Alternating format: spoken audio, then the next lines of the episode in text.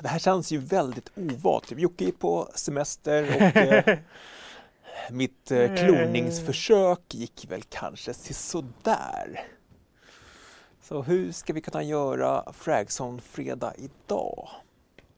Vi får helt enkelt rulla intro och hoppas på det bästa.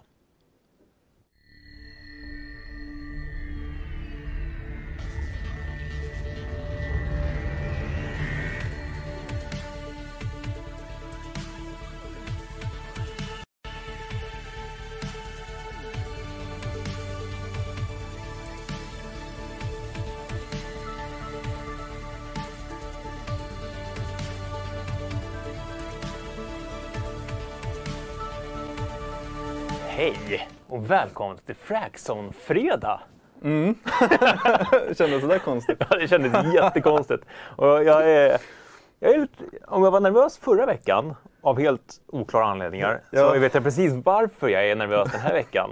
För jag sitter på fel plats, Jocke är inte här, jag håller i någon form av körschema, Ja, din laptop är... du har min laptop. Vad kan gå fel? Jag vet inte. Tror du att Jocke kollar på det här? Det skulle i så fall göra mig ännu mer nervös. Men vi verkar ha ljud, vi verkar ha bild.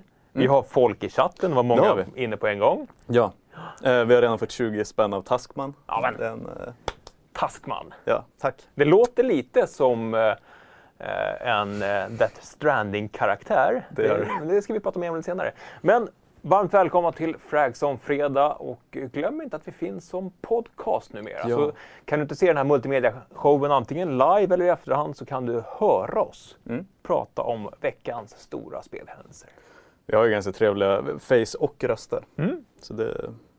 Mm. Vad är det man säger? En fågel i handen eller tio i skogen? Men ja, skitsamma. Jag, vet- jag vet inte riktigt vad det, hur, Nej. hur det relaterar till någonting. Men den här veckan ska vi i alla fall prata om såklart Death Stranding. Recensionen Åh, gick upp tidigare i morse. Gustav har massor att berätta om. Eh, vi ska också prata om Blizzcon som drar igång ikväll. Mm. Klockan sju. Klockan sju. Vi har redan sett lite bilder på social media på folk som är där. Ja. Ser ballt ut. Eh, veckans recensioner såklart. Och eh, Ubisoft-kris. Mm. Och arga ryssar. Ja. Vilket fullmatat... Eh, Det känns som att vi kanske har ett, eh, ett trevligt program den här veckan. det blev en show den här gången också. det blev en show den här också. Men glöm inte att, som eh, Gustav alltid säger, fucka med algoritmerna, Ja. tumma upp klippet för bövelen. Exakt. Uber har redan påmint om i chatten. Eh, bra. Men och om du inte redan är prenumerant, prenumerera gärna och eh, prenumerera på podcasten också. Skriv en liten Mm. recension på iTunes där. Sånt där. Allt, allt sånt där hjälper ju för att höja våran Chans. våran status där vi tror att vi är i liksom hierarkin i media-Sverige. Mm. Från den nivån där vi faktiskt är just nu. Ner och krälar någon sån här Death Stranding-gegga. Du menar att vi förtjänar bättre? Vi förtjänar bättre. Är det fortfarande bara din iTunes-recension som ligger Jag tror att det finns två. Jag har faktiskt inte kollat den här veckan. Det, kan, ja, men det vore kul med Mm. iTunes-recension. Sånt där hjälper ju som sagt. Men, kul att du är här. Eller hur fan vad kul att vara tillbaka. Har vi gjort ett sånt här avsnitt tillsammans? Inte sen förra studion. Nej. Då minns jag att vi hade ett, när Jocke skrev två minuter i, i två, "Vad- vad- hur går det? Sådär. Ja, nej. Men ehm, det är inte sen dess. det är inte så ofta vi liksom... Vi brukar ha Jocke som någon form av chaperone Ja. för att hålla oss på mattan. Mm. Jag brukar ju komma in, du, du är antingen sjuk eller så är du ute i vida världen. Precis. På plats. Men när jag Jocke gör någonting. Mm. Men nu är det ju nästan eh, tvärtom. Det kommer att bli tvärtom ganska snart. Eh, eller håller vi på det? Att vi ska täcka ett evenemang ganska snart. Jag vet inte om de ska köra, men ja, vi kan prata lite mer om det sen. Vi, Ja. mm. Men, den stora frågan Gustav. Vad har du spelat sen sist? Förutom Death Stranding, för det ska Ja. vi prata mer om senare. Jag har ehm, spelat Dota Underlords. Du, du sa det här liksom inför programmet när jag skulle skriva upp vad, körschemat. Ja, men jag har spelat Dota Underlords Autochess. Mm. Legends of någonting, någonting. Men vadå, du minns inte Autochess-ruschen för ett par månader sedan? Jo, jag minns att det stod massa autochess överallt. Ja. Men lite som när jag rör Dota så jag har någon form av inbyggt filter. Att, ja, men, jag i alla fall lärt. Dota är ju ett Moba. Mm. Vad är då Underlords autochess? Autochess var ju en, eh, ett custom game i Dota 2. Som såklart i sig är en mod från WC3 Mm. eh, som blev superpoppis. Som är, det är en sorts battle simulator där man kan placera ut pjäser på en plan. Mm. Och så sen så slåss de mot varandra, så köper man nya pjäser och uppgraderar dem. Sådär. Så det är Dotas svar på Totally Accurate Battle Simulator? Ja och nej, Mm, på ett ungefär. Men eh, sen så gjorde Riot en variant av det i League of Legends som heter Teamfight Tactics. Mhm. Och samtidigt så tryckte eh, Valve ut en fristående variant av AutoChess som heter Dota Underlords. Jag förstår varför jag tycker det här var rörigt. Ja, Ja. och det, blev, det var superpopulärt och alla pratade om det i ett par veckor. Mm. Sen så gjorde plötsligt ingen det. Nej. Eh, men nu tryckte de ut en ganska stor, stor uppdatering så här att vi är klara med betafasen till Underlords. Med lite nya hjältar, allianser och grejer. Mm. Ehm, så det har jag suttit och spelat. Men nu kan man nämligen spela liksom i teams av två. Och Okej. hjälpas åt. Och lite så här skick, skicka pengar till varandra. Säga, åh Kalle jag vill ha en level 3 axe. Har du någon på din... Om jag, ja, du, ja, varsågod, Mm. säger jag då. Ehm, och då kan du säga, ja men jag vill ha en Bounty Hunter av dig. Mm. Eh, och så har jag inte det, så säger jag finns Jossan. uh, jag vill Nu hittar du på, eller hur? Nej, nej, nej. nej. Det, det är så det Det finns en, finns en sjö, sjön. Man kan säga tyvärr. tyvärr. ja. Ja. Ehm, och förutom det så har jag spelat ett spel som du också har spelat. Den nya Call of Duty, Mm. Modern Warfare. Just det. Jag har spelat ganska mycket multiplayer eh, och så har jag också kört ut hela solokampanjen på det här realism-läget. Just det. Jag, jag valde det liksom, snäppet under du är jättedålig. Eh, ja, men jag tror det går recruit, regular, hardened, veteran och realism. Mm. Och realism är veteran men du har ingen hood. Ah, okej. Så det ska vara liksom immersive. Immersive. Ja. Ja. men jag, jag körde faktiskt också, jag körde en timme single player ungefär. Mm. Det är kul. Det är kul. Det är bra variation på uppdragen. Mm. Jag säger inte att det är revolutionerande story. Eh, Det kommer vi att prata mer om sen. Men uppdragen i sig, de är varierade och spelar mycket på det här fienden vet inte att du är där. Så passa på att skjuta dem när lyserna är... Jag, jag spelade det här som uppdrag som du pratade om förut här. Man går igenom en, en lägenhetskomplex i Camden och, Mm. och skjuter allt som Ja. rör sig. Och det är nästan så här, det är, inget, det är ingen utmaning i det. Nej. Det är bara Ja, men- otrevligt på något sätt. ja, och verkligen tryckt stämning om man säger så. Mm. Ja, du har också spelat multiplayer. Ja. Frustrerande upplevelse av rang. Ja. Och kul. Jag tror att de flesta som spelar multiplayer just nu i Modern Warfare är frustrerade. Det var länge sedan det flög så många svordomar ur min käft Mm. när jag spelat multiplayer-spel. Ehm, för Gunplay är ju det alla hyllar. De är verkligen höjt. Ja, höjt men den. COD har ju alltid varit bra på gunplay. Det har varit den Mm. starka grejen. Sen har det ju bara liksom grafiskt och ljudmässigt alltihopa så har de halkat efter. Man pratar ju alltid om att det är liksom P-shooters Mm. i deras spel. Nu har de ju höjt det till någon typ av Frostbite-nivå. Eh, men de ändrade i samma veva designen på alla kartorna. De ville gå ifrån det här tre lanes-tänket. Mm. Ehm, och det har medfört att det är, liksom, det är grötiga kartor den här gången som premierar att hålla vinklar. Så det är väldigt mycket campers. Det är jättekul i spel. Så det är väldigt mycket så här man springer och blir skjuten bakifrån och man spånar rakt in i någon och så kommer det någon med en hagelbrakare. Och... Mm. Ja, Jag, jag gjorde precis det. Jag, Ja. jag trodde ju att det här skulle bli mitt multiplayer-spel i höst. Mm. Att jag skulle nöta. För jag körde väldigt mycket BV2 och tyckte det var skitkul. Tänkte, ja, men nu, Ja. på förhand verkade det väldigt kul. Jag startade upp multiplayer, körde en halvtimme, blev frustrerad precis som det och började spela single player istället. Mm. Däremot jag har kört lite gunfight, det här två mot två läget. Det är den stora behållningen. Ja, men visst Shit det. vad kul det är. Ja. Mm. Förutom vissa, det är någon djungelbana som jag Ja, hatar. den är horribel. Man ser absolut ingen någonsin. Nej, Den men är kass. de här mera paintball-aktiga banorna, Mm. de är ju riktigt bra. Ja, men där har man ju det klassiska, ja, men som du var inne på, tre lanes Mm. grejen från COD, det är tight gunplay, eh, korta, koncisa matcher liksom. Mm. Ja men det är den här, okej jag kommer att springa till vänster, Kalle du står kvar här, Mm. om någon kommer runt. Uh, verkligt så här, det var länge sedan man kunde snacka så mycket i ett Call of Duty-spel.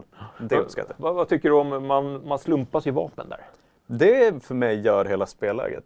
För då blir man tvingad att lära sig liksom hela spektrat Mm. och hela arsenalen. Och även om det är ganska simpla banor så blir man ju tvungen att spela annorlunda. Man får en Ja, ja. hagelbrakare eller ett snipergevär så, Mm. så blir banan väldigt annorlunda. Exakt. För jag menar, Snipergevär, där är det väldigt mycket att man bara går en meter åt sidan och försöker skjuta varandra direkt. Mm. Hagelbrakare, då går man ju på mera ninja-räder.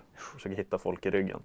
Ehm, jag tycker också att det här att man har samma vapen två runder, sen byts det, Mm. gör att eh, blir det plötsligt ens favoritvapen om man tänker nu ska jag briljera, så skiter det sig. Då får man en chans till. Eh, det. jo, också ganska jämna matcher hittills. Jag tror det varit en match på tio där det har varit total utskåpning. Så att, eh, ja. Jag är lite orolig för att de, eh, man, man behöver ju inte vara två för att kunna köa det spelläget. Ja. Och om man skulle komma möta två personer som sitter i Discord, Ja, har ju de en otrolig fördel. Ja, självklart. Um, men det är jättekul, det är nog det, roligaste jag haft i multiplayer. Mm. Eh, Polski skrev Cod fucking Night Vision, årets magvändare. det är lite så det är. Ja. Det är mycket Please don't shoot. Nej. Och så gör man, skjuter man ändå. ja, men ja. Please don't shoot, så, så går de efter ett vapen. Det är klart Ja, jo. avrättning. Eh, sjukt populärt. Det drog in 600 miljoner dollar på tre dagar. Mm. Och folk undrar liksom, varför släpper de ett Call of Duty varje år? Jo, för att de drar in 6 miljoner dollar på tre dagar. Sluta köp det om ni... Alltså det måste ju varit liksom hela utvecklingsbudgeten och marknadsföringsbudgeten som bara kammades hem på tre dagar. Ja, och det är väl det de, det vet de väl, att Cod säljer su- superbra första helgen. Mm. Ehm, Det måste ju vara alltså, mer än hälften av livs, alltså, Ja. tiden. Och nu har de ju sagt att det inte ska komma några lootlådor och sådana grejer heller. Så det, Mm. det är nu eller aldrig de drar in pengarna. Ja, vi får se vad som händer. Jag har ju längst upp i hörnet så står det så här 1100 CP som är deras cod points. Mm. Ehm, Man kan ju redan köpa någon form av grej i shoppen för 10 dollar. Vi får se vad som händer där. Ja, alltså, vi, vissa eh, konspirationsteoretiker menar ju att det här har blivit en taktik från, från spelproducenter att de tar Mm. bort allt sånt i spelet inför recensionerna. Så att det, får, alltså, det gnälls inte på det i recensionerna. Sen en månad senare så lägger man till mikrotransaktioner och på så vis fintar hela den kritiken inledningsvis. Ja, men att- att finta recensenterna. Mm. Det är ju det. Och jag har en liten foliehatt som köper den idén. Det var ju verkligen som eh, Black Ops 4 som gjorde en helvändning. Um, nej, det är lite upp till bevis känner jag, med Mm. Modern Warfare. Ehm, ja. Men eh, det är inte alla som är direkt nöjda med det här spelet. Nej, ryssarna. Ryssarna Sen när man säger ryssarna, vad menar man med det? Spelet har recensionsbombat i alla fall på Metacritic och de här betygsaggregationssajterna. Mm. Eh, av, av 10 möjliga så låg det igår på så här 2,8 eller någonting. Eh, 2200 negativa recensioner, användarrecensioner. Mm. Det är ju en ganska liten mängd om man tänker på hur många bor i Ryssland. Men det är ju uppenbart att om man läser igenom recensionerna att Mm. det har med spelets skurkar att göra. Ja, alltså för att kampanjen är ju, jag ska inte spoila någonting nu om det inte har kommit så långt. Nej. Men det är ju verkligen den här 80-tals actionrullen med galna araber och galna ryssar. Som har någon sorts huggsex om vem som kan skjuta och gasa flest civila på kortast tid. Ja. Det är ju ganska svart på vitt. Liksom. Ja. Skulle du säga att det är svårare att släppa ett sånt spel idag än det var när Call of Duty blev... Jag menar, de har ju alltid målat ut en viss grupp människor som the bad guys. Jo, jag vet. Sen ett tag var det jättepoppis ungefär när Modern Warfare 2 släpptes. Då skulle det ju bara handla om galna amerikanska generaler Mm. som gjorde funky shit. Och det visade sig att ryssarna var oskyldiga hela tiden.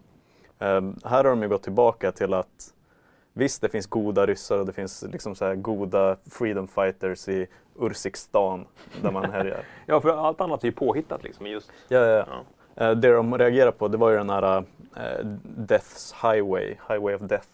De beskriver liksom ett krigsbrott som ryssarna har begått i Urzikstan i kampanjen. Mm. Så det är fiktivt. Men det går liksom mappa ett till ett till en grej som eh, Amerika, eller USA gjorde i Kuwaitkriget. Ja. När man bara bombade sönder en massa kapitulerande trupper. Ehm, och det är väl det framför allt som folk tog fasta på var så här, så här klä inte om eran egen skit och sätt, sätt det på oss. Vilket jag på något sätt kan köpa. ja, men det är klart. Ja, sen får man ju Ja. undra, jag menar, spel har väl alltid dragit eh, liksom inspiration Paralleller, från, ja, ja. från verkliga händelser.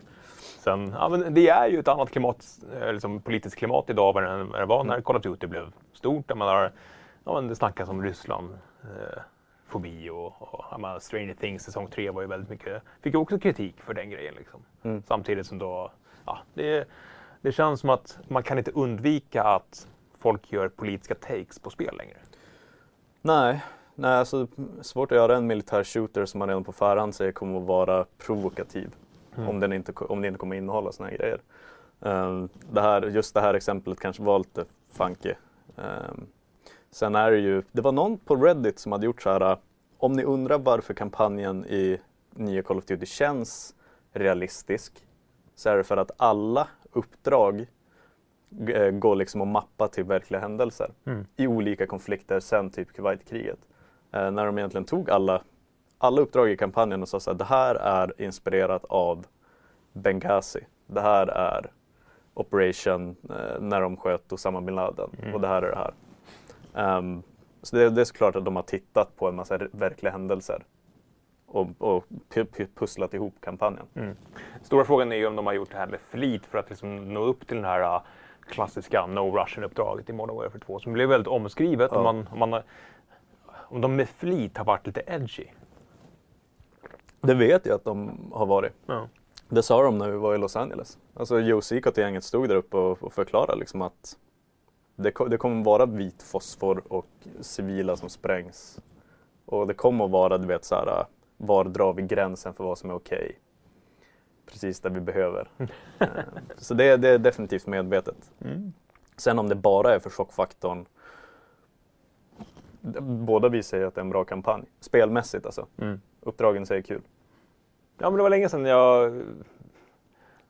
Jag vet inte, njöt är kanske fel ord när man, när man ändå gör det man gör i kampanjen. Mm. Men eh, kul Mm. att spela ett... Eh, ja, men det är ju välregisserade, skriptade upplevelser men det, jag tycker det finns plats för det i spelvärlden också. Ja, framförallt så här supersnygga mellansekvenser. Som däremot verkar hacka något enormt. Ja, fan vad det inte gick hem för att, som jag sa, de är vr- vrålsnygga. Mm. Plötsligt så fryser det i tre sekunder och då hamnar ljud och bild helt ur Ja, synk. det händer mig också. Som det brukar göra ibland när vi gör video.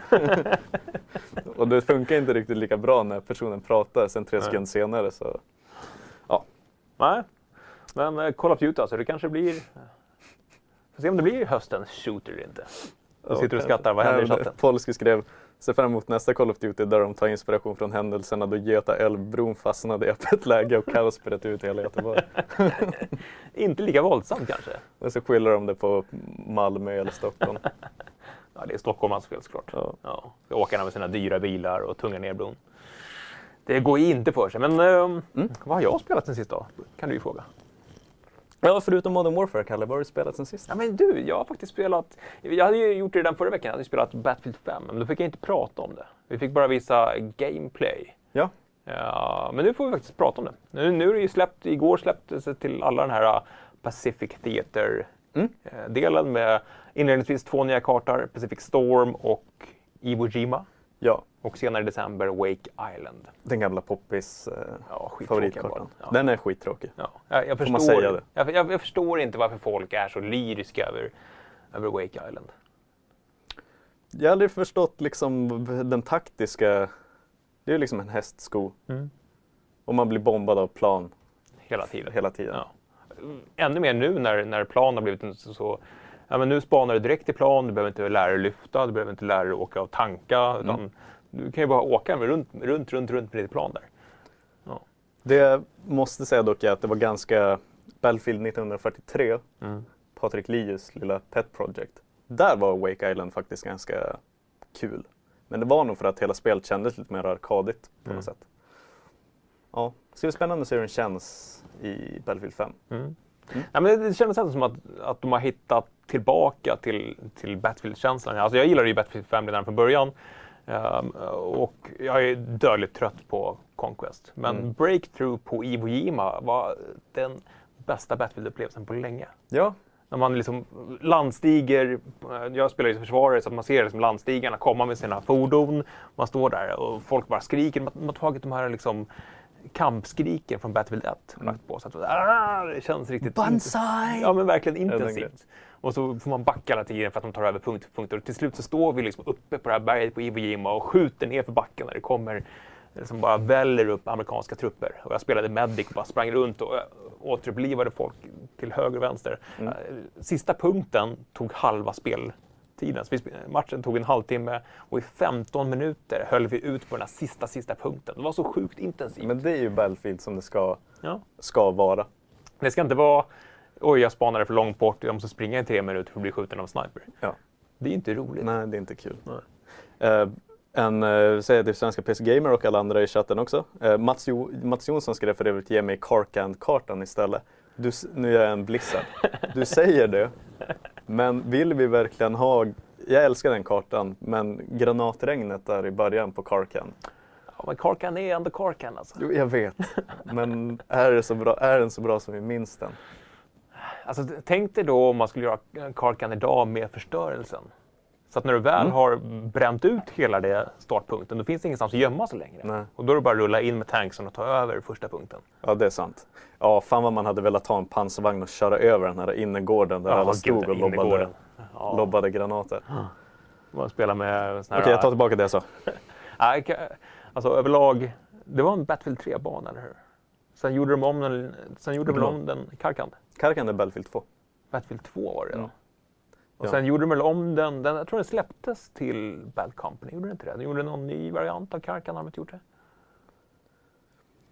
Jag kan ha fel. Nej, men eh, mm.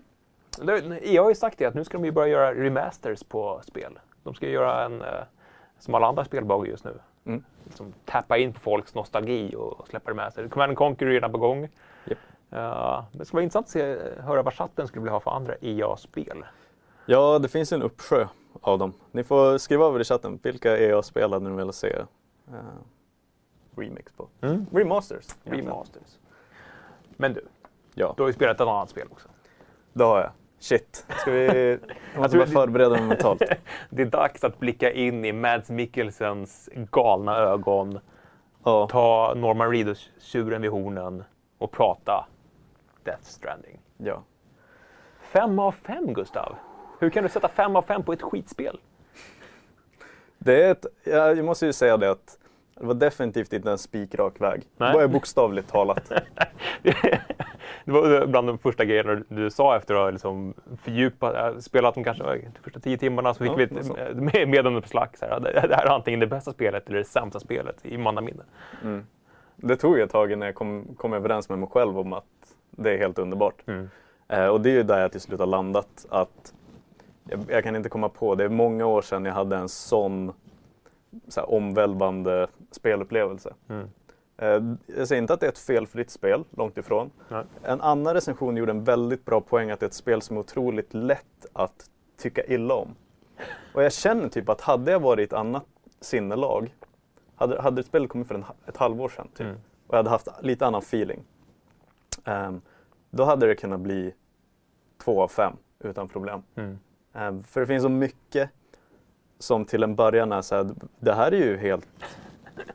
Det är så kolossalt dumt det här. Att man blir arg. Du, skriver, skriver liksom, det, det handlar ju i grund och botten om att att liksom springa med en paket över en karta fram och tillbaks. Det är liksom, Och snubbla på en sten och så spruta, spruta paketen åt helvete. och så får du mindre likes när Och så får jag fram. mindre likes, då kommer jag fram och så står Conan O'Brien där och bara Nja, mm, de är lite, det är lite banged up där. Hämta din jävla uttermössa själv om du ska vara på det där humöret. Ja. Nej, men alltså ehm, jag lovade att jag skulle svara på kommentarer eh, som kom i tråden till recensionen. Mm. Det var ganska många som var så här, jag fattar typ fortfarande inte hur det funkar. Ehm, kan du gå ner en nivå och prata liksom om hur är combat? Hur, är, hur, hur gör man när man levererar ett paket? Och på något sätt så är det som, man kan inte få med allt i en recension. Nej. Allt ryms ju inte. Det var jättesvår text att skriva. Jag bollar in med dig ganska mycket. Mm. Eh, för det är nästan så att man skulle behöva gå ner. Hade det här varit världens första shooterspel, då är det nästan så att man hade behövt säga på vänstra triggern siktar man och på högra triggern skjuter man. Ja. Och när en fiende kommer upp i bild, då ska man sikta på honom och skjuta. Och det är så man får 10 XP och ta sig vidare på något sätt. Um, och om jag går ner på den nivån i Death Stranding. Man kommer till en terminal och så kommer det med ett hologram och så är det en person som säger Hej, kan du skicka det här dit bort? Och så kan det kan vara typ 40 kilo keramik, 60 kilo metall och så är det lite gamla krigsfoton från Vietnamkriget. Typ. det är rimligt ändå. Det är okay. det man brukar skicka. Ja. ja. Och där är det typ så här, åtta kollin som man spänner fast på kroppen. Um, Norman Reedus har liksom ett han har en dräkt på sig med något sorts exoskelett så han kan sätta liksom paket på armarna och på, på benen och på ryggen. Så man, som en packåsna sätter man på sig alla paket. Um, och så ger man sig ut i den här öppna spelvärlden. Och fem kilometer bort så finns det en annan terminal och det är de som väntar på grejerna. Mm. Uh, och du snackar om att man liksom själv måste hålla på att balansera vikt. Ja, ja, ja. Så, att det, så att man inte blir för övertung. Eller, ja. Du vet hur det är i GTA när man har druckit ett par bärs ja. och svajar fram i den här Euphoria-motorn. Mm. du vet, Nico Bellic stö, ja. stöp i backen.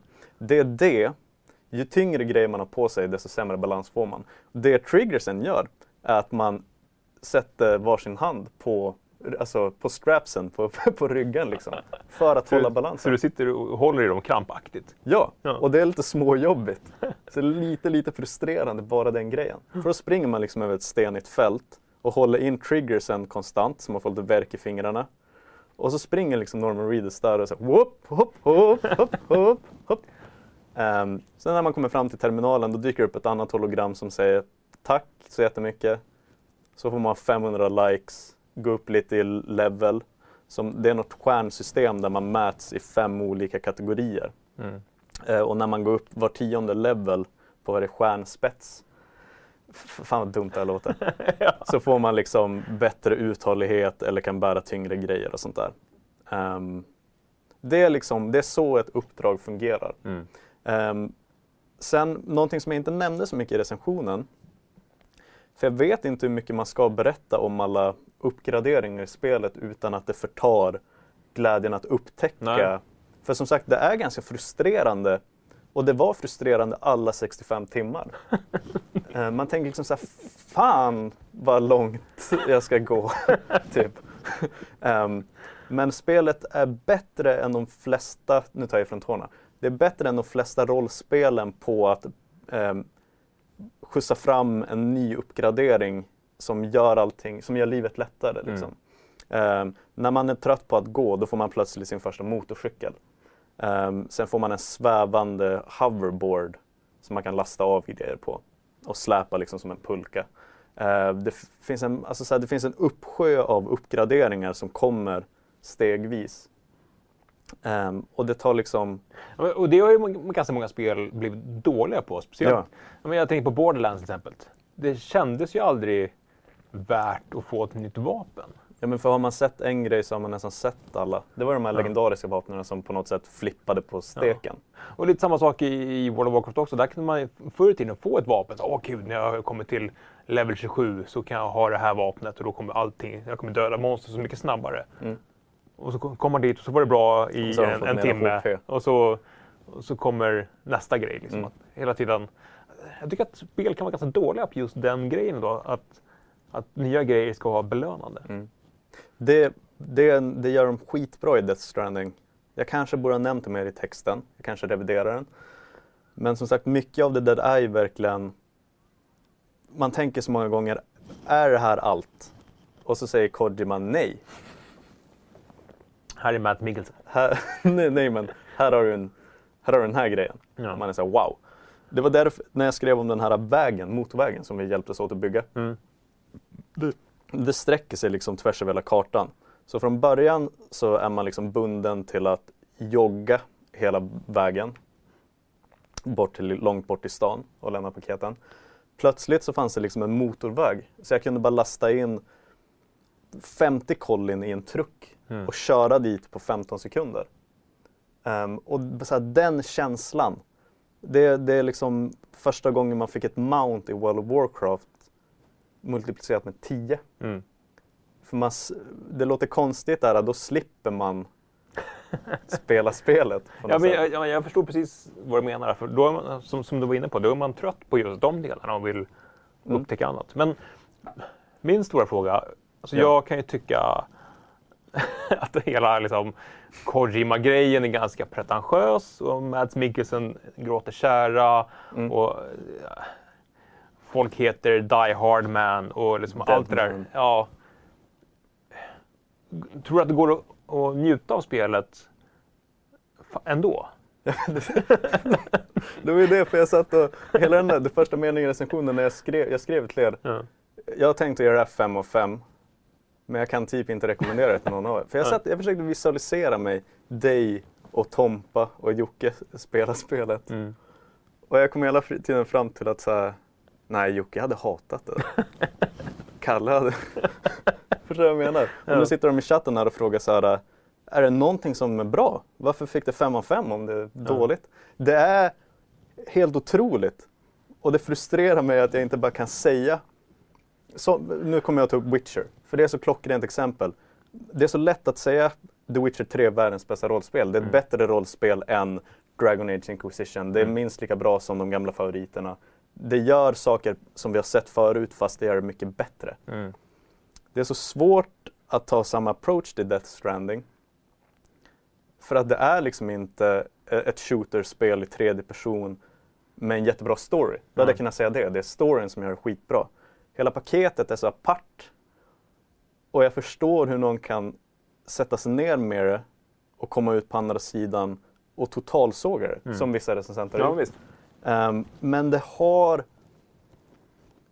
Och det, var någon som skrev att det luktar lite så här kejsarens nya kläder. Att det är någon sorts masspsykos.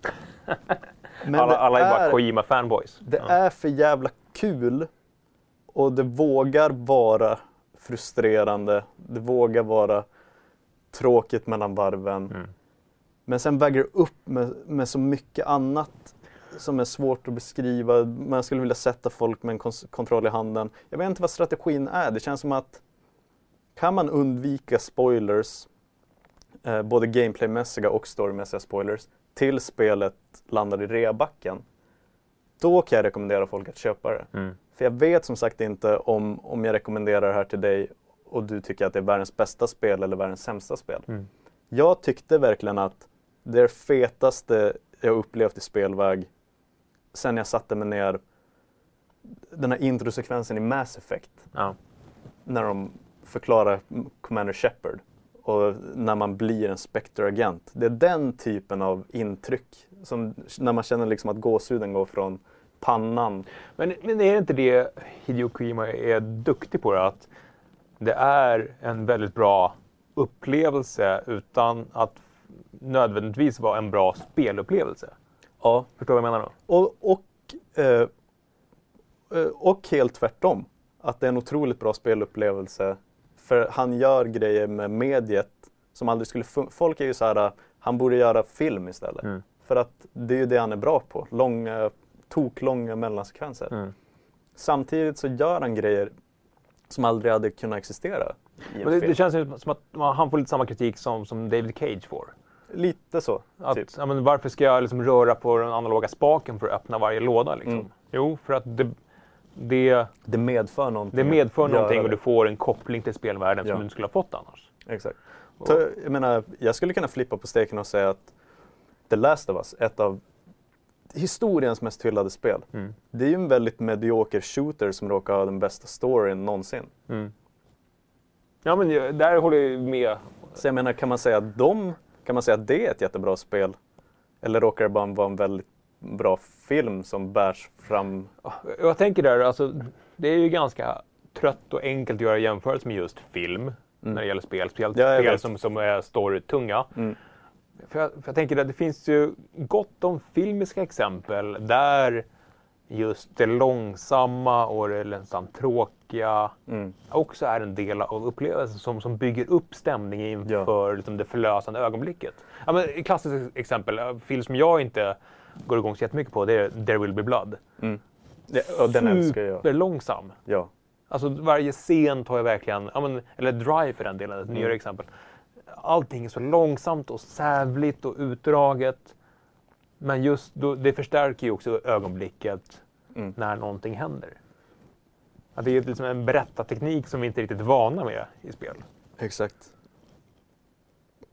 Ja, och ett annat spelexempel. eh, The Witness pratade om tidigare. Mm. Eh, där spelet, när jag minns när recensionerna kom ut och alla sa så här, det är ett pusselspel och det enda pusslet hela spelet igenom är att dra linjer från en punkt till en annan. Mm. Eh, och så mycket mer än så kunde typ recensenterna inte dela med sig av. För att de flippade grejerna som hände i det spelet som fick en att tappa hakan var man tvungen liksom att det skulle förta hela upplevelsen om någon berättade att håll ut för att sen kommer det här. Eller om den grejen hade, hade hänt efter fem minuter. Exakt. Ja. Man måste liksom tycka att det börjar bli enformigt med de här grejerna för att det ska slå när, eh, när de plötsligt så här, gör någonting helt annat på konceptet. Mm. Ehm, Ännu enklare parallell, Tetris. ja, Hela spelet bygger på att göra så lite som möjligt liksom, så att du kan verkligen få den här långa jäkeln och sen trycka in den och, allt. och bara allt försvinner. Ja. Det är lite den grejen. Ja. Eh, Jag märker att jag inte, jag, kan, jag utnyttjar kanske inte den här pratstunden för att eh, här, sortera ut alla frågetecken Nej. efter min recension. Men, och jag hoppas verkligen att ni förstår att när jag säger att det är ett fantastiskt spel som jag inte kan rekommendera så är det just för att jag vet inte om andra personer kommer att ha samma upplevelse som jag. Nej. Jag tror att jag fick mycket på köpet för att jag blev satt på att recensera det. För när man ska recensera ett spel då måste man ju spela igenom det. Mm. Även om det är jättedåligt. Mm. Eh, och det tror jag Death Stranding verkligen tjänar på. För att det kräver ganska mycket av den som spelar. Eh, det, är inte, det, är, det är ingen instant gratification. Utan det är liksom hårt. Belöningen har man arbetat hårt för. Man, Mm. Det är verkligen så här blod, svett och tårar. Och det, det menar jag gör det så mycket mer värt. Mm. Ehm, och som sagt, kruxet med att skriva recensionen är att hade det bara varit det och det inte fanns någon story, då hade det varit en utmaning nog att förklara varför, det liksom, varför spelet i sig är så häftigt. Sen finns ju också, som jag sa, alla, alla så egenheter och knasigheter som Kojima alltid gör. De är ju där också. Eh, det är säkert, du vet, kiss och bajsgranaterna. han, han har ingen respekt för fjärde väggen. Nej. Norman Reedus, första gången man sätter sig på en motorcykel eh, så ropar Sam då, karaktären, Holy shit, eh, I feel like Norman Reedus on the AMC show ride, typ. Ehm, Ja. eh, Del Toros karaktär skickar ett mail och tipsar spelaren om att titta på The Shape of Water. Alltså det är så jävla dumt. Ehm, men det funkar. Ehm, det är liksom... Jag, jag avslutar ju recensionen med det. Jag vet Mm. inte varför allting går ihop så pass väl. Jag bara konstaterar att det gör det.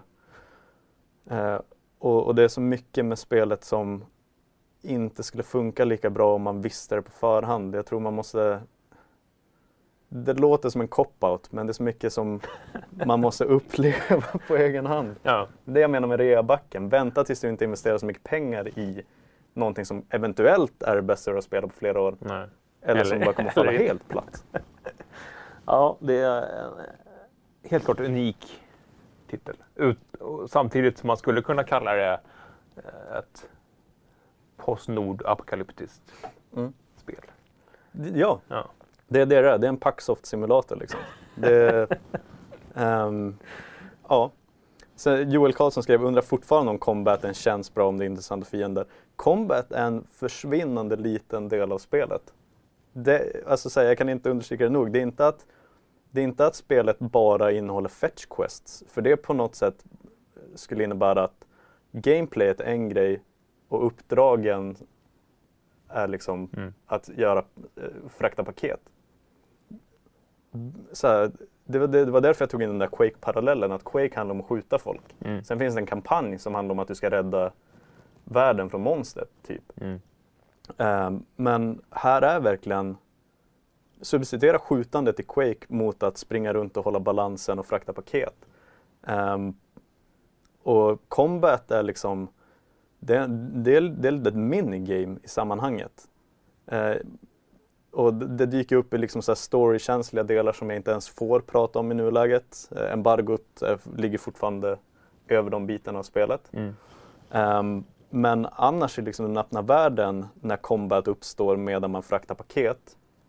Det finns liksom ett sandfolksliknande eh, så terroristgäng ute i världen som heter Mules. Som har på något sätt, de är like-knarkande gamla ex-Amazon-arbetare som har blivit höga på, på känslan av att ha paket i handen. Typ. Ja. Alltså, det, kan man ändå känna igen. Ja. Det, det är mysigt att ha ett paket i handen. Så de, typ, ja. de hijackar leveranser Mm. och snor paketen.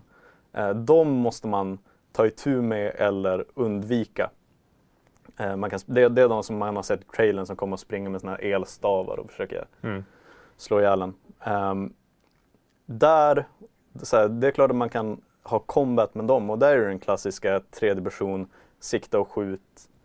Ehm, sen finns det liksom en story-aspekt där att kroppar nekrotiseras och blir sådana där monster med handavtryck.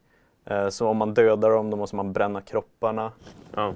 Ehm, men men här, anledningen till att jag inte skrev någonting om combat i, i recensionen det är för att det är inte spelet liksom. Jag, jag kan förstå det, för att combat har ju på något sätt blivit vad, spe, vad många spel grundar sig i. Det är det jag menar med Ja, men- The Last of Us. Ja, men Last of Us, ja, det är klart att det är combat i det också. Den är Mm. skitdålig.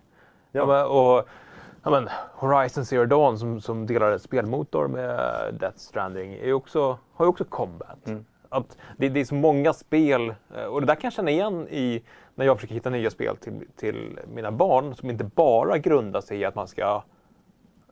det enda du ska göra det är att liksom, nedgöra fienden. Mm. Men alltså, en stor del av spelbranschen är ju just det, det är en nyckelkomponent. Ja. Och det är det man fokuserar på. Mm. Det, är där, det är det som är utmaningen. Ja, eller så här, nu säger vi The Last of Us, Uncharted, ett annat Naughty Dog-spel, ett ännu bättre exempel. Varför måste Nathan Drake döda 200 personer på vägen till skatten? Mm. Hade det kunnat bara vara klättra och lösa pussel? Men då kanske folk inte tyckte att det var kul. Nej. Fan vet jag. Nej. Här har ju Kojima verkligen satt ner foten och sagt att Fine, det finns en poäng med att, att det finns vapen och det finns skjutelement i spelet. Men det är inte basen varpå jag bygger en galen story och knasiga karaktärer. Nej. Det är väl det som är hela stora skillnaden egentligen. Ja. Ja. Det är det som är så svårt för jag kan inte säga Jag kan inte jämföra Death Stranding med andra spel för att hur många Hur många packåsnen-simulatorer finns det där ute just nu? Nej. Det, jag, jag tänkte så här, Factorio kanske. Ja. Ja. Ehm, nej, som sagt, en, en, en förbryllande, bisarr, helt otrolig spelupplevelse. Jag är fantastiskt glad att jag knep den recensionen. Eh, jag hoppas att jag inte jag hoppas att jag inte lurar någon att köpa det för full pris och jag hoppas att jag inte avskräcker någon från att köpa det. Alltså tror ni att det här är någonting för er?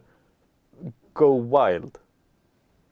Tror ni inte det? Det var någon som skrev att så här, få se vad som händer, jag avbokade min Collector's Edition. Mm.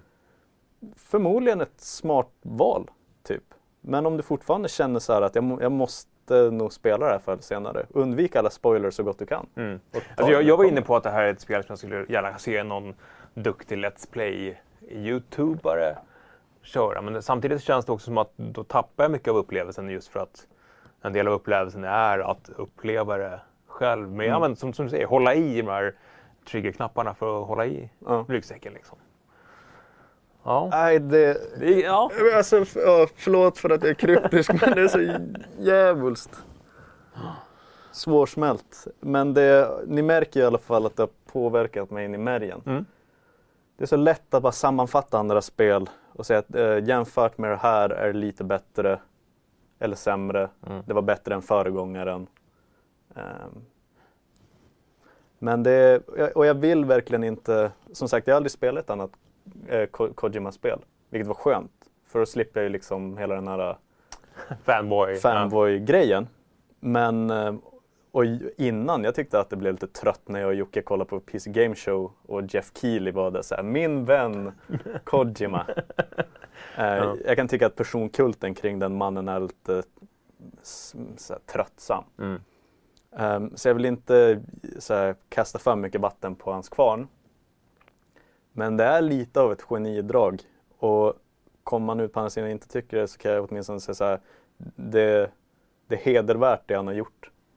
Sen att det bara, att spelet finns för att Sony var så här. äh, Du, du får carte blanche. Du, vi kommer bara ge dig pengar och skita i fullständigt vad du gör för att du är Hideo Kojima. Eh, så här, k- kalla det ett lyckligt... Vad fan är det i Fear and Loading in Las Vegas? Så här, en av Guds egna prototyper. Ja men, to rare to live, to strange to die. Exakt. Ja. Det är Death Stranding och Hideo Kojima i ett nötskal. Mm. Det borde inte finnas det här spelet, men det gör det. Mm. Och bara en sån sak i en bransch som är smockfull av uppföljare och serier. Call of Duty-spel som kränger 600 miljoner. ja. Ja. Bara en sån sak. Jag tycker att det är så jävla häftigt att, eh, att Death Stranding finns. Och det hade jag förmodligen tyckt även om jag hatade spelet. Mm. Ja. Ja, Death Stranding släpps nästa fredag. Och då får vi också visa lite mer gameplay och ja, vi får se om vi kör lite mer, mer djupdykningar i spelet Mm. helt enkelt. ja. En sak ska jag bara tillägga. Onamore. Det är lite överflödigt för att det var väldigt tydligt i recensionen. Musiken är helt otrolig och jag tyckte verkligen att jag drog fram de grova komplimangerna när jag sa att jag aldrig tänkt så mycket på musiken i ett spel som i det här sen typ Mass Effect 1 och 2. Mm. Och det är verkligen höjdpunkter för mig. Ehm, jag tycker också att karaktärerna är, trots de knasiga namnen, är de helt otroliga. Jag tycker att Troy Baker gör en av karriärens bästa roller. Kanske för, alltså, utöver Joel i The Last of Us så är han fantastisk här. Får äntligen göra det med sitt eget face. Ja. Eh, Mads Mikkelsen skitbra. Lea Sedö, svårt att inte bli lite kär.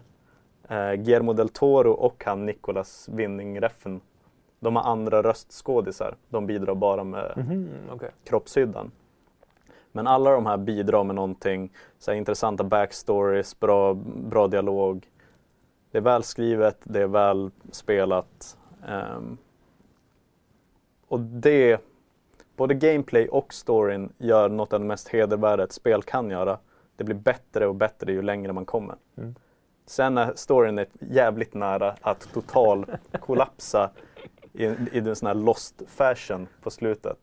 Det är lite som en sån olympiskt åk i halfpipe med snowboard Mm. som börjar lite försiktigt och så blir tricksen mer spektakulära. Man börjar hålla andan. Sen precis i slutet så försöker sig Sean White på någonting helt nytt och man tänker att han kommer att falla pladask. Och i sista sekunden så lyckas han liksom rädda. Det blir någon halvarslad så här landning. Mm. Och när han kommer till målfållan så håller han ett fantastiskt tacktal. Och så går han av scenen. Det är eh, storyn i Death Stranding i ett nötskal. Okej, nu är jag klar. Shit. Då känner jag att Förlåt. kan dra ett uh, streck över Death Ja, ja, Stranding nu just kommer vi nu. aldrig mer att prata om det. Någonting helt annat. Då, jag har ju redan, alltså, går det ett Fragson fredag-avsnitt utan att vi nämner The Witcher? Nej, nej men det, det Jocke är inte ens här idag, men du drog den redan efter fem minuter. Mm. Så låt oss prata lite om The Witcher, fast nu Netflix-serien. Ja, Som har fått ett premiärdatum. Mm. 20 december släpps eh, serien på, på Netflix. Det fattar du vilket härligt datum det är? Det är precis i glögg-säsongen. Åh, man kommer sitta och dricka glögg. Ja, ja. Eller till och med kanske glühwein, för det finns väl lite tyska... Mm. eh, liksom Systemet har börjat bredda. Ja. Mm. Ja, men det känns, ibland känns ju Witcher lite tyskt också med slotten och Ja. ja, ja, lite glühwein. Ja. Men eh, ska vi ta och kika lite på ett klipp bara för att sätta stämningen? Kommer här. Don't judge me. They say witches can't feel human emotion. What do you believe in? Evil is evil.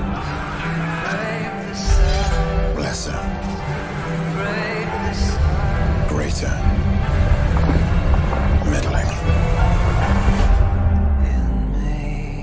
It's all the same.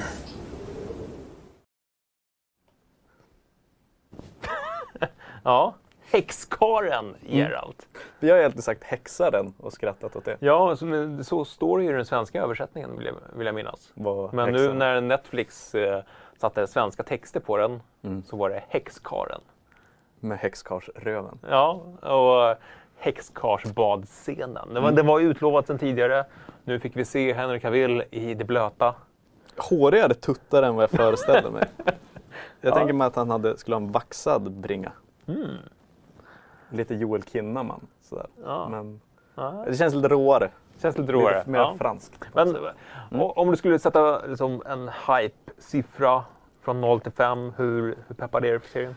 Alla andra säger ju 3 av 5 vilket jag tycker är lite fegt. Eh, Ska, ska vi verkligen gå in på 3 5 i det fega betyget i nej, skolan? för, nej, med tanke på att jag satte det på Borderlands så... Ehm, jag, jag flinar och säger att det kommer bli dåligt. Du flinar och säger att det blir dåligt. Men jag hoppas såklart att det blir bra. Ja. Men jag har så svårt att se att det kommer att bli genuint bra. Och lite tänker jag att det är bättre att jag accepterar ett, ett dåligt öde redan nu så kan jag bli positivt överraskad. Alltså, det var ganska många scener som såg väldigt mäktiga ut i de korta klippen i, i trailern då. Mm. Stora slag, monster. så här CGI som inte ser för jävligt ut. Nej, det var, var något, eh, någon, eh, något monster där som såg lite så. så. Ja, Men, eh, ja, men 20 december blir alltså binge av Netflix Witcher. släpper de alltid ett Jag antar det. Netflix brukar väl göra det. Ja. Då, då kommer det bli så här att man, man försöker alltid hitta en, en ursäkt till att man sparade julklappsinköpet till den 23. Mm. Så nu kan jag skylla på Henry Cavill. Då har du kollat på Netflix Ja. fram till... Oh, shit. Ja. Nej, jag det enda, ska jag säga vad som oroar mig? Mm. Det oroar mig att Henry Cavill är en sån nörd av rang och att han älskar Witcher. Det gör mig orolig. Det borde, det borde vara en bra grej Ja. för då fattar han karaktären och håller sig till källmaterialet Mm. på något sätt. Jag är bara rädd att han är så exalterad att det blir fel. Ungefär som om... Förstår du vad jag menar? Ja, men i jämförelsen med om jag skulle gå in på Galaxy's Edge på Disneyland och göra hela den här 2000 kronors ljussabeln. Mm. Så kommer man ut därifrån och känner att man är ganska ball och drar upp ljussabeln och gör lite ljud. Men det är egentligen ganska töntigt. Ja. Ja. Ja, men jag kan, man kommer att se jag undrar hur många omtagningar de var tvungna att göra för att Henry Cavill log jättemycket. för att det var så häftigt att vara där och vara Geralt. Ja. De var så här, nej, stay in character please. Ehm, det är typ det. Å andra sidan, ehm, det bästa med prequel Star Wars tycker många är eh, Obi-Wan, Mm. Hugh McGregor. Han var ju också superexalterad. Det finns så här behind the scenes när han bara I'm in fucking Star Wars. så det kanske blir superbra. Ja. Vet. Men, eh, Kanske blir ja. superbra. Det är, det, vad- det är liksom... Jag vet, all, jag kommer alltid tillbaka till antingen blir det bra eller så blir det dåligt. Som att det är en revolutionerande... Ja. Nej, men eh, ja, det är inte lång tid kvar. Där tappar jag min plånbok på golvet. Mm. Det får på något sätt sammanfatta Netflix Witcher. Men på tal om eh, multimedia streaming. Ja. Microsoft går in och nallar ännu en Twitch, Twitch-storstjärna. ja, Shroud. Shroud. Han som är duktig på allt han ger sig på. Mm. Mm. Eh, De eh, tog över Ninja för några Mm. månader sedan. Eh, Och det verkar funka bra. Nu tar de in en... eh, Jag skulle vilja se checken. Ja, de, de, Ja. de kallar in honom till ett möte. Så här, men, Tjena Shroud. Vi i Microsoft, vi har ju en egen streamingtjänst. Du kanske Nej, du har inte hört talas om den. Nej, men den heter Mixer i alla fall. Mm. Det är några som tittar på den ibland när vi ger bort gratis saker. Men eh, om du skulle bara se den här lilla checken här vad, för att gå över till. Och så stannar hjärtat. Ja. För att det är så många nollor. Mm.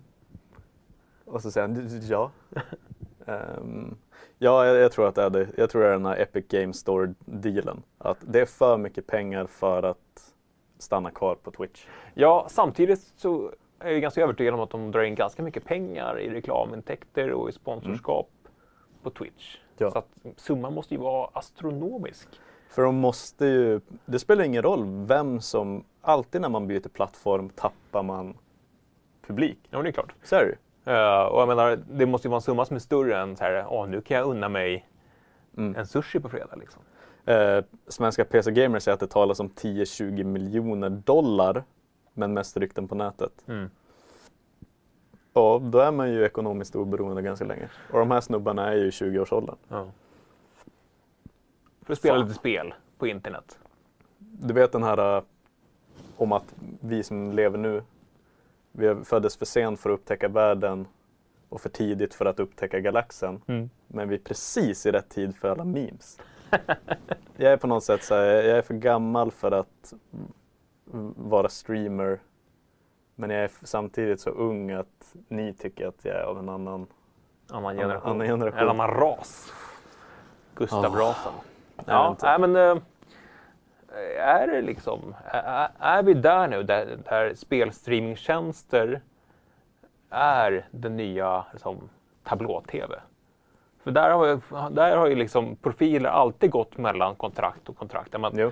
ena stunden så är Adam Alsing på TV4, sen är han på TV3. Femman och trean. Ja, och hoppar liksom mellan, mellan checkarna så att säga.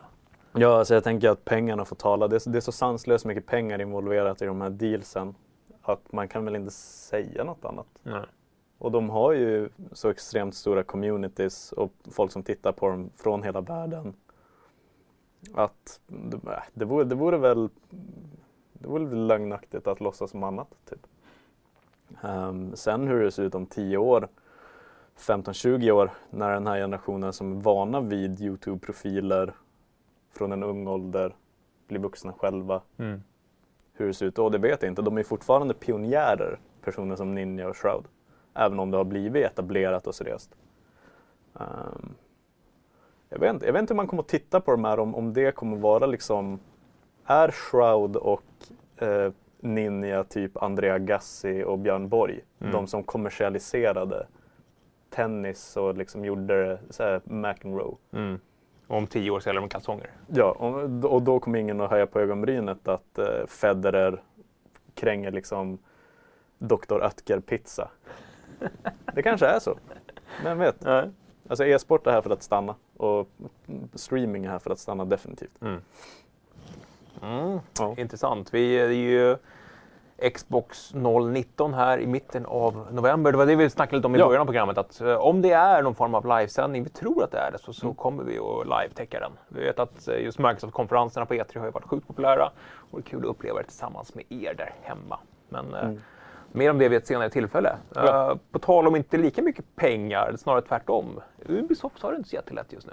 Nej, Breakpoint blev ju inte succén de hoppades på. Nej, så att själva liksom uh, UV, uh, Ubisoft-chefen går in och Ja. säger att han, han är besviken. Yv, Yv Gilmon Ja. eh, vaknade till liv eh, och sa Fan, vi måste göra bättre spel. Typ rakt upp och ner. Ja. Alltså det här kommer från eh, Jason Schreier, eh, våran branschs största detektiv. Mm. eh, som via en anonym källa på Ubisoft har fått reda på att det är, det är lite av en intern kris och eh, The Brass har kommit in och sagt från och med nu så måste alla interna team pitcha till oss varför spelet de har tänkt att göra är unikt. Så att vi inte råkar ut för en till eh, så här Ghost Recon-lansering som bara meh. Nej. Jag vet inte om det kommer att synas i praktiken förrän om en, alltså en bit in på nästa generation. Nej. Nu har vi fortfarande eh, Watch Dogs. Ja, men både, de, de har ju blivit försenade, kanske Ja. just på grund av att man vill se över projektet en, eh, en extra vända. Liksom. De har ju också bekräftats för nästa generation. Det kan ju vara en sån grej Mm. att, de, att de släpps samtidigt inför uh, Project Scarlet och Playstation 5. Men samtidigt, det, det gagnar väl alla oss konsumenter hoppas jag. Ja, och jag, jag tycker att det här är kul på just tala om eh, förseningar. Att när det var så för några år sedan, då så här, äh, de har planerat dåligt, vad kastar de med? Det måste vara skit om de inte vill släppa det. Ja, Ja. medan nu bara, åh gud vad skönt. Det var förmodligen skit.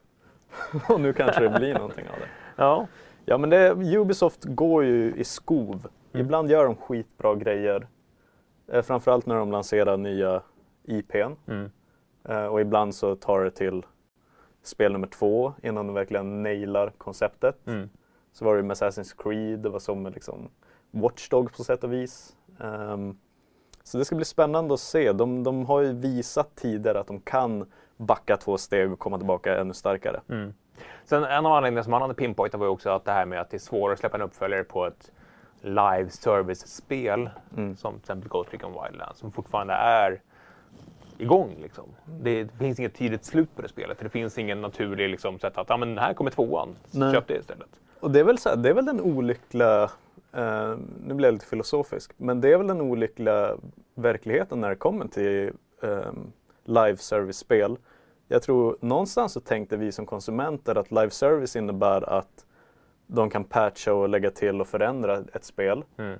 Eh, vilket i och för sig har hänt med liksom både Destiny 1 och Destiny 2. Det hände med Och, och Ubisoft har varit väldigt duktiga på just den Ja. grejen också. Ja. så Rainbow Six Siege vänder de ju på totalt. Mm. Å andra sidan så är det ju så att gör man ett, ehm, ett live, eh, live service-spel så innebär det att man redan på planeringsstadiet har en plan för de kommande tre åren. Mm. Eh, och då måste man på något sätt skrota den för att göra någonting helt annat. Mm. Så det blir lite så paradoxalt nog så blir det tvärtom. Att släpper man ett spel som är färdigt på release, då kan man göra en, upp, en expansion och förändra på alltihopa. Live service, då är man ju liksom så här, då har man ju redan det i huvudet. Mm. Och är det fel, då, då har man ju liksom, Då får man lite problem. då får man ju sota för det. Det är så här Battlefield 5 nu som äntligen gör någonting rätt med Pacific. Mm. De fortsatte ju på den inslagna vägen ganska länge. Och det gick sämre och sämre på något sätt i fansens ögon. Mm. Spännande det där. Ja, eh, spel släpps ju inte som de gjorde förr i tiden. Man Nej. köpte en kassett så spelar man den till nästa julafton. Man fick ett nytt spel. Ja. Och Diablo 2 kom och var fantastiskt. Sen kom Lord of Destruction och var fantastiskt. Ja, precis. Ja, vi, ska, vi ska ju prata lite mer om Blizzcon om en liten stund. Mm. Eh, men innan det så tänkte vi att vi Ja. skulle snacka lite om veckans recensioner. Eh, två testpiloter. Mm. Uh, Gruck har testat uh, stor-tv för billig peng i TCL 50. Mm. Uh, Gaming-tv för billig peng. Han, Gruck är ju som Gruck är. Han, han gillar ju retrospel så han satte upp sin linjedubblerare och satte, körde retrospel och även nya spel. Ja. Var väl inte så jätteimpad av just HDR vad gäller den punkten. Men det var däremot Harikiri när han testade Mm. Asus VG27 spelskärm med HDR. Mm. Är, det, är det nu HDR långsamt, långsamt börjar bli branschstandard? Ja, det har väl alltid varit så att tekniken finns på plats långt innan folk gör applikationer som utnyttjar det. Mm. Men nu finns ju HDR i liksom de flesta stora släppen. Mm. Och på ganska halvvettiga sätt har de implementerat det. Ja, men precis. Så det, det, det Call of det- Duty ser riktigt bra ut med, med, Mm. med HDR. Eller med, med Ray Tracing. Ray tracing funkar bra där. Ehm, så definitivt. Jag, jag tror att det är någonting som är här, att, här för att stanna. Mm. Vi har nog kommit över pucken där när det funkar i teorin. Ja, precis. Och det är, det är fler testpiloter på gång här innan årets slut, så håll utkik efter det. Eh, sen även Mattias Frost testat, testat Ring Fit Adventure. Psycho, vi har, till och med, vi har kvar den på Elgaton den här. Ja, eh, efter den här trailern som vi skrattade gott åt och resten av spelvärlden också, så verkar det ändå vara ett vettigt träningsspel. Ja, vi fick en fyra. Ja. På, Och jag, har för mig att jag recenserade Wii Fit. Jag har i alla fall ett, ett Wii Fit hemma. Och stora problemet med den var ju att det tog ungefär en timme mm. För att få ut en halvtimmes liksom, träningstid. För att det var så mycket liksom, Nintendo, Menyer och ja, kom ihåg att ta en paus. ja, men allt sånt här luller som Nintendo är mästare på att göra. Men eh, det verkar som att det faktiskt funkar bra. Men han skriver också att det är ett komplement till vanlig träning. Ja. Sen förstår jag, eh, gamification i träningsform är ju en bra grej. Det är bara att kolla på alla springappar. Det är ju, Ja. det är ju träning med gamification. Pokémon Go, Ja. för fasen. Så att, eh, ja, men jag tycker att det är kul att Nintendo ändå kollar utanför, Mm. utanför boxen. Jag måste säga att Svenska PC Gamer skrev att problemet med Breakpoint var att en 13-åring hade kunnat berätta att det fanns stora problem med det spelet. Hårt! Hårt. Ja. Men det är bra, det gillar vi. Och ungefär så här dags i programmet så brukar Jocke fråga mig vad som har hänt i forumet. Men nu får jag fråga dig. Ja. Kalle, ja. vad är inte forumet? Det ska jag berätta, så du Gustav. Det där kändes naturligt. Ja, verkligen. Eh, en intressant tråd om eh, skrivbordsstolar. Mm. Jag vet att vi, vi, vi har faktiskt det här som ett reellt problem här på, på kontoret och redaktionen. Vi, har ju, vi flyttade hit i det nya kontoret i maj. Vi har ett spelrum, men vi har fortfarande inga stolar där inne. Nej, det är några platta kontorsstolar som har, du vet, så här, eh, frukostrånstunna arseldynor. Vi hade ju såna här gamingstolar förut. Som var så dåliga. Ja, de, de, var, de var hemska på alla sätt och vis. Eh, men det känns som att eh, mycket av den här tråden, ja, mycket bra tips som också är att man måste ju åka och testa. Man måste sätta ner röven på, på Ja. stolen för att känna efter. Men sen är det ju svårt att veta hur känns det efter tio timmar. Det kanske är skönt i fem minuter men sen börjar det skava och lukta illa. Det hade jag problemet att jag hade en stol som jag tyckte var, det var väldigt bra komfort. Men över en natt så lossnade liksom allt fake skinn på båda, så här, där man vilar armarna och på arslet. Så, så då såg det ut som att, Vi behöver inte gå in på vad du gjorde den natten. nej, nej. Eh, annan intressant tråd, eh, den stora Death Stranding-tråden som Ja. ligger och liksom puttrar lite nu än så länge, nu när det bara är recensioner ute. Men jag kan tänka mig att efter eh, re- releasen nästa fredag Mm. så, så kommer det hända stuff. Med tanke på hur många inlägg det blev i Red Dead-tråden. Mm. För att i det spelet var det också så mycket som man var tvungen att göra för att kunna snacka om det. Liksom. Jag kan tänka mig att, Red Dead, nej, att Death Stranding-tråden kan ta fart på alla möjliga sätt och vis när folk får, får i handen. Liksom. Mm. Att, och så spännande diskussioner. Jag ska ge mig in i den när jag äntligen kan prata om allt stuff Ja. ehm, som jag är så förtegen om just nu. Eh, så håll ögonen på den tråden, speciellt om ni är lite så här uh, on the fence, on the fence. som jänkarna säger. Mm. Eh, sen har vi också den roligaste scenen i ett spel. Spel Mm. som är roliga och inte bara är tråkiga och fulla av bajsgranater. Har du något eh, som du Nej, jag satt och funderade på det precis. När var det senast jag skrattade högt åt ett spel? Jag vet att Jocke satt och skrattade åt Disco Elysium för alla knasiga grejer där. Mm. Men har du något? Du kanske nå- någonting från Death Stranding till och med? Eh, jo, tyvärr saker som eh, i, täcks av embargot. Ja. Men ja, det hände en del roliga grejer där. Annars är det så här, eh, jag minns att jag skrattade ganska gott åt uh, Haggard i Bad Company. Ah. Mm. När han på egen hand invaderar ett land. Oh, Ja, det, det, det är en bra scen. Dra på smilband.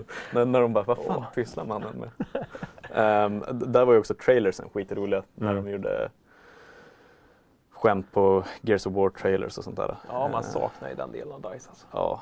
Annars är det typ um, Grim Fandango Mm. har väldigt bra scener. Som inte, de, de är väldigt klyftiga. Mm. Kanske inte att man skrattar rakt ut. Men det, det minns jag som ett väldigt roligt spel. Ja, Ja. Nej, men det är inte bra trådar, helt klart. Eh, Värda att kika på. Ja. Men då har vi egentligen bara en punkt kvar. Jag vet att vi redan dragit över den här timmestiden som vi försöker Men hålla. inte så mycket. Och det är fortfarande många som sitter och kollar. Det är jättekul. 160 pers inne. Åh jäklar, det är halvdag idag. Det, Det är halvdag idag. Skönt, härligt. Får vi gå ut och tända ett ljus till våra saknade sen. Mm. Eh, men ikväll, Blizzcon Blizzcon. i Anaheim. Och det är inte vilket Blizzcon som helst. Det är kanske det viktigaste Blizzconet i Blizzards historia. Ja, Kan man säga så? det, det, det kan man nog säga utan att eh, överdriva verkligheten. För om man, om man bara hade suddat ut allt som har hänt de senaste veckorna kring företaget Mm. och tittade liksom på att ja, men, det ryktas om att de ska täck- avtäcka fyra stora grejer. Ja. Uh, The four big ones. the four big ones. Vi vet att ett är förmodligen Overwatch 2. Mm. Ett annat är Diablo 4 äntligen. Mm. Inte till mobiler då? Utan... Inte till mobiler utan Nej. ett riktigt fullblodat PC-spel. Mm. Eh, konsol också förmodligen. Men de här två andra jävlarna. Ja, jag satt och tänkte på Overwatch 2 just när vi pratade spel som, som live service. Det liksom, hur följer man upp ett multiplayer-spel på ett bra sätt? Men Call of Duty gör ju det varje år, men ändå, vad är motivationen till att släppa ett nytt Overwatch? Det har ju ryktats ganska mycket om att det kommer vara PVE-fokuserat. Eh, det, det, det, har de, Destiny. det har de experimenterat med i olika halloween-event och Mm. sådär. Och det, då har det varit kul. Liksom. de här Junkerstein-grejerna. Mm. Jag tror att, för Overwatch är ju inte ett Call of Duty, Overwatch är ju ett CSGO. Mm. Det är en plattform för um, så syndikerad e-sport och eh, uppdateringar som sker varje år. Mm. Man släpper nya hjältar precis som i League of Legends och Mm. Dota. Ehm, jag har svårt att se att ett Overwatch 2 släpps och så lämnar man Overwatch 1 därhän. Ja, men det är Jag det tror att de kommer svårt. samexistera. Ja. Och var, då kanske man gör ett Overwatch 2 som är lite mer av en Destiny-titel. Mera PV-fokus. Kan, man kanske kan släppa uppdateringar som gäller båda spelen. Mm. Ehm, Vissa har ju snackat om att Overwatch 1 blir gratis, ett, ett Ja. free to play-spel. ehm, jag, jag tror att allting, de, de tjänar ju fortfarande förvånansvärt mycket pengar på Overwatch-ligan. Mm. Ehm, de gick väl långt över prognosen på det. Jag tror de var så här, får vi in 20 miljoner den här säsongen är vi nöjda, men vi är uppe i 70, 80, 90 typ. Ja, ja. Ehm, så jag har jättesvårt att se ett Overwatch 2 ersätta ettan. Jag tror inte att det kommer att hända. De kommer att samexistera ehm, och, och göra olika grejer. Det kommer att finnas en anledning för båda två att existera samtidigt. Mm. Men jag vet inte exakt hur det kommer att se ut och det är det som är det spännande. Nej, det är lite... Diablo 4 känns ju mer rakt. Det är ju Diablo 4 Ja. liksom. Man ska ner i någon form av grotta och slå på monster. Hitta. Djävulen är inblandad på något sätt. Ja. Ja. Och, och det ska bli spännande att se, för, för de har ju också typ via Jason Schreier, att eh, så många iterationer av Diablo 4 har skrotats. Mm. Och till slut så känner de att de har hittat en variant som de är nöjda med. Um, vad nu det än är. det Ja, spännande. det där är ju svårt. Menar, man vill behålla kärnan Mm. samtidigt som man vill göra nytt. Ja. Det, det, det märkte man ju på Diablo 3. Det tog ju lång tid innan, innan de hittade den kärnan, långt efter releasen. Mm. Ja, det, är hur? det var en bit in i Reaper of Souls Mm. som Diablo 3 blev Diablo 3 Ja. på något sätt. Ehm, Och eh, som vi, som vi är inne på, Blizzard har ju inte riktigt det förtroendekapitalet de en gång hade mm. inför den här mässan. Ja. Det snackas ju om protester. Det gör det. Eller hur? Vi har inte ens kommit in på Nej, den andra delen. Nej det, som, det som gör just den här, det här Blizzconet till det mest spännande och kanske viktigaste för, för företaget. Jag menar, det hade ju räckt med att vi fick allting vi hoppades få förra året. Mm. Eh, Det hade eh, framförallt hade det räckt för Blizzard själva. Mm. De hade inte behövt hela kontroversen som startade i Hearthstone med Hongkong, relationen till Kina, snacket om protester eh, som tydligen fortfarande är liksom full, full speed ahead. Mm. Eh, snackas om grupper på 4chan som har kodat Arduinos som ska klona wifi-nätverket på Blizzcon. Så när folk eh, loggar in så blir de redirectade till en sida som berättar eh, vad Blizzard har gjort fel när det kommer till den frågan. Mm. Allting är jätteskruvat. Och det, det, det är så, så här... eh, Det är som den perfekta stormen att de här feta spelnyheterna möter den här...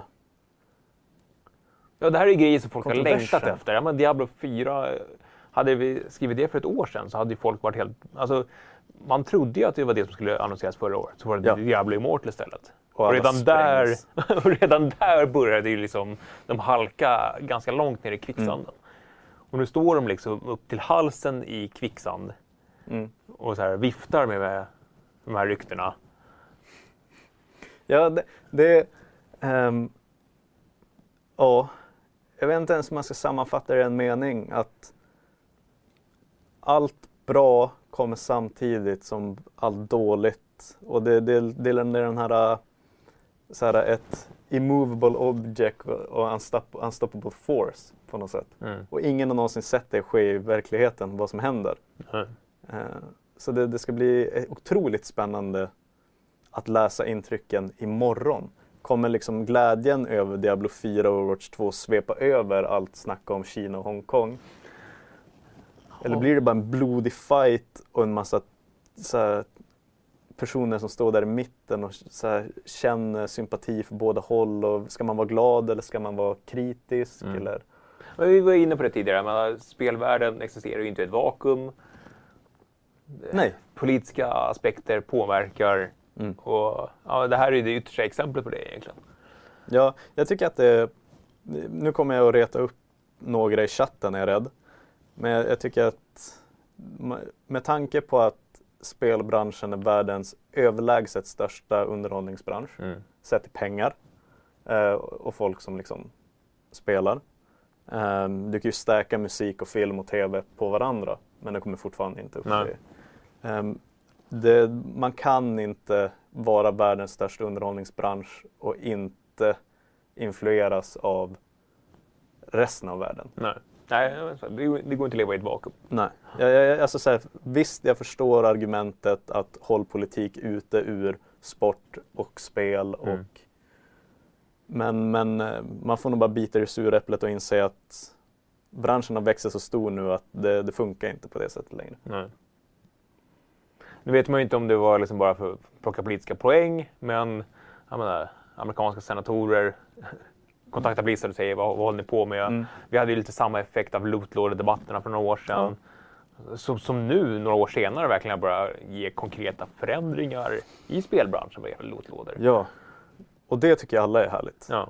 Uh, fan vad det ändå är, det är mycket av det som är sunt i slutändan. Mm. Alltså det, är så här, det, det kommer inte att självsaneras. Nej. Nu är det ju här en helt annan grej eftersom att det handlar om eh, politiska ställningstaganden hos globala företag. Mm. Det handlar ju inte om att exploatera så hasardspelselement Nej, nej, på det- tioåringar. Nej, Eh, det, är ju- det är en enklare fråga att ha, ha rätt i. Eh, men, men det är sant, just den där när senatorerna hör av sig och sa det här är inte bra. nej. Um, när man, när, att vi kommer till en sån nivå när, när Blizzard får smälla fingrarna av politiska etablerade hundraåriga system i USA. Då, då vet man att shit is going down på något sätt. Ja, och de kommer ju inte blidkas av att Diablo 4 annonseras. Nej, Det, det skit, de vet inte ens vad Diablo är. Nej. De visste inte vad Blizzard var förrän någon berättade att ni kan tjäna en massa gratispoäng på den här frågan heller. Nej. Men Nej, men Ja. där är vi just nu. Men ja, jag vet inte riktigt vad... Jag, jag, jag kommer följa det med spänning, men uh, alltså jag, jag kan ju villigt erkänna att jag känner inte jätte- jättemycket kring hela liksom, debaclet runt omkring. Nej. Jag tittar på det och säger ja, det, det, det blev ju så liksom. Eh, de hade sina regler, det råkade krocka med en väldigt infekterad fråga mm, och sen började skiten rulla på. Liksom. ja. Ja, men ja, och som sagt, hade Diablo 4 annonserats förra året så hade det varit en helt annan grej än, än nu, post Diablo Immortal. Mm. Så att, ja, det ska bli spännande att se. Kanske inte just vad som, vad som händer nu i helgen, men, men vart Blizzard är om ett halvår. Liksom där. Ja. Det här är ju bara steg ett. Och sen ska spelet släppas och ska marknadsföras. Och, Ja, det, är ju det lättaste i den här branschen är att lova grejer. Mm. Det, det är ju fortfarande någonting som gör att Microsoft hänger lite löst för det är väldigt lätt för Phil Spencer att berätta att man har köpt alla studios Mm. och att Xbox, eh, nästa Xbox Project Scarlet blir skitbra och alla Mm. spelen kommer att finnas där. ja, men verkligen. Eh, och alla blir jätteglada, men sen måste de också komma på något sätt. Det är samma sak med Blizzard. Det räcker ju ett tag att annonsera Diablo 4 och Overwatch 2. Mm. Sen ska ju de spelen släppas och vara bra också. Mm. Och det kommer man ju inte att veta efter den här helgen. Nej, verkligen inte. Men nej, trots det så ska det bli, det ska bli spännande att se vad som händer. Mm. Mm. Vad, har vi några avslutande ord från chatten innan vi... Ehm, ja, uh, Eber Ponage säger att trots, att trots, trots Jockes frånvaro så tyckte han att vi gjorde ett bra jobb. Ja, tack. Uh, Viktor Svantesson håller med. Mm. Eh, Fredrik P håller med. Taskman, ja. Det är jättekul att höra. Ja. Det är, som sagt, det är svårt att fylla Jockes skor. Ja, det här är verkligen. hans arena. Det här är hans arena. Och bara göra ett körschema är utmaning nog.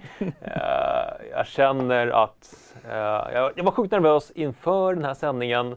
Men det släppte ändå ganska Ja. snabbt. Jag. Man, man sitter ju ändå och snackar om saker man har, har koll på. Mm. Och sen, sen vet man ju också att det, det är, man bärs lite av den här...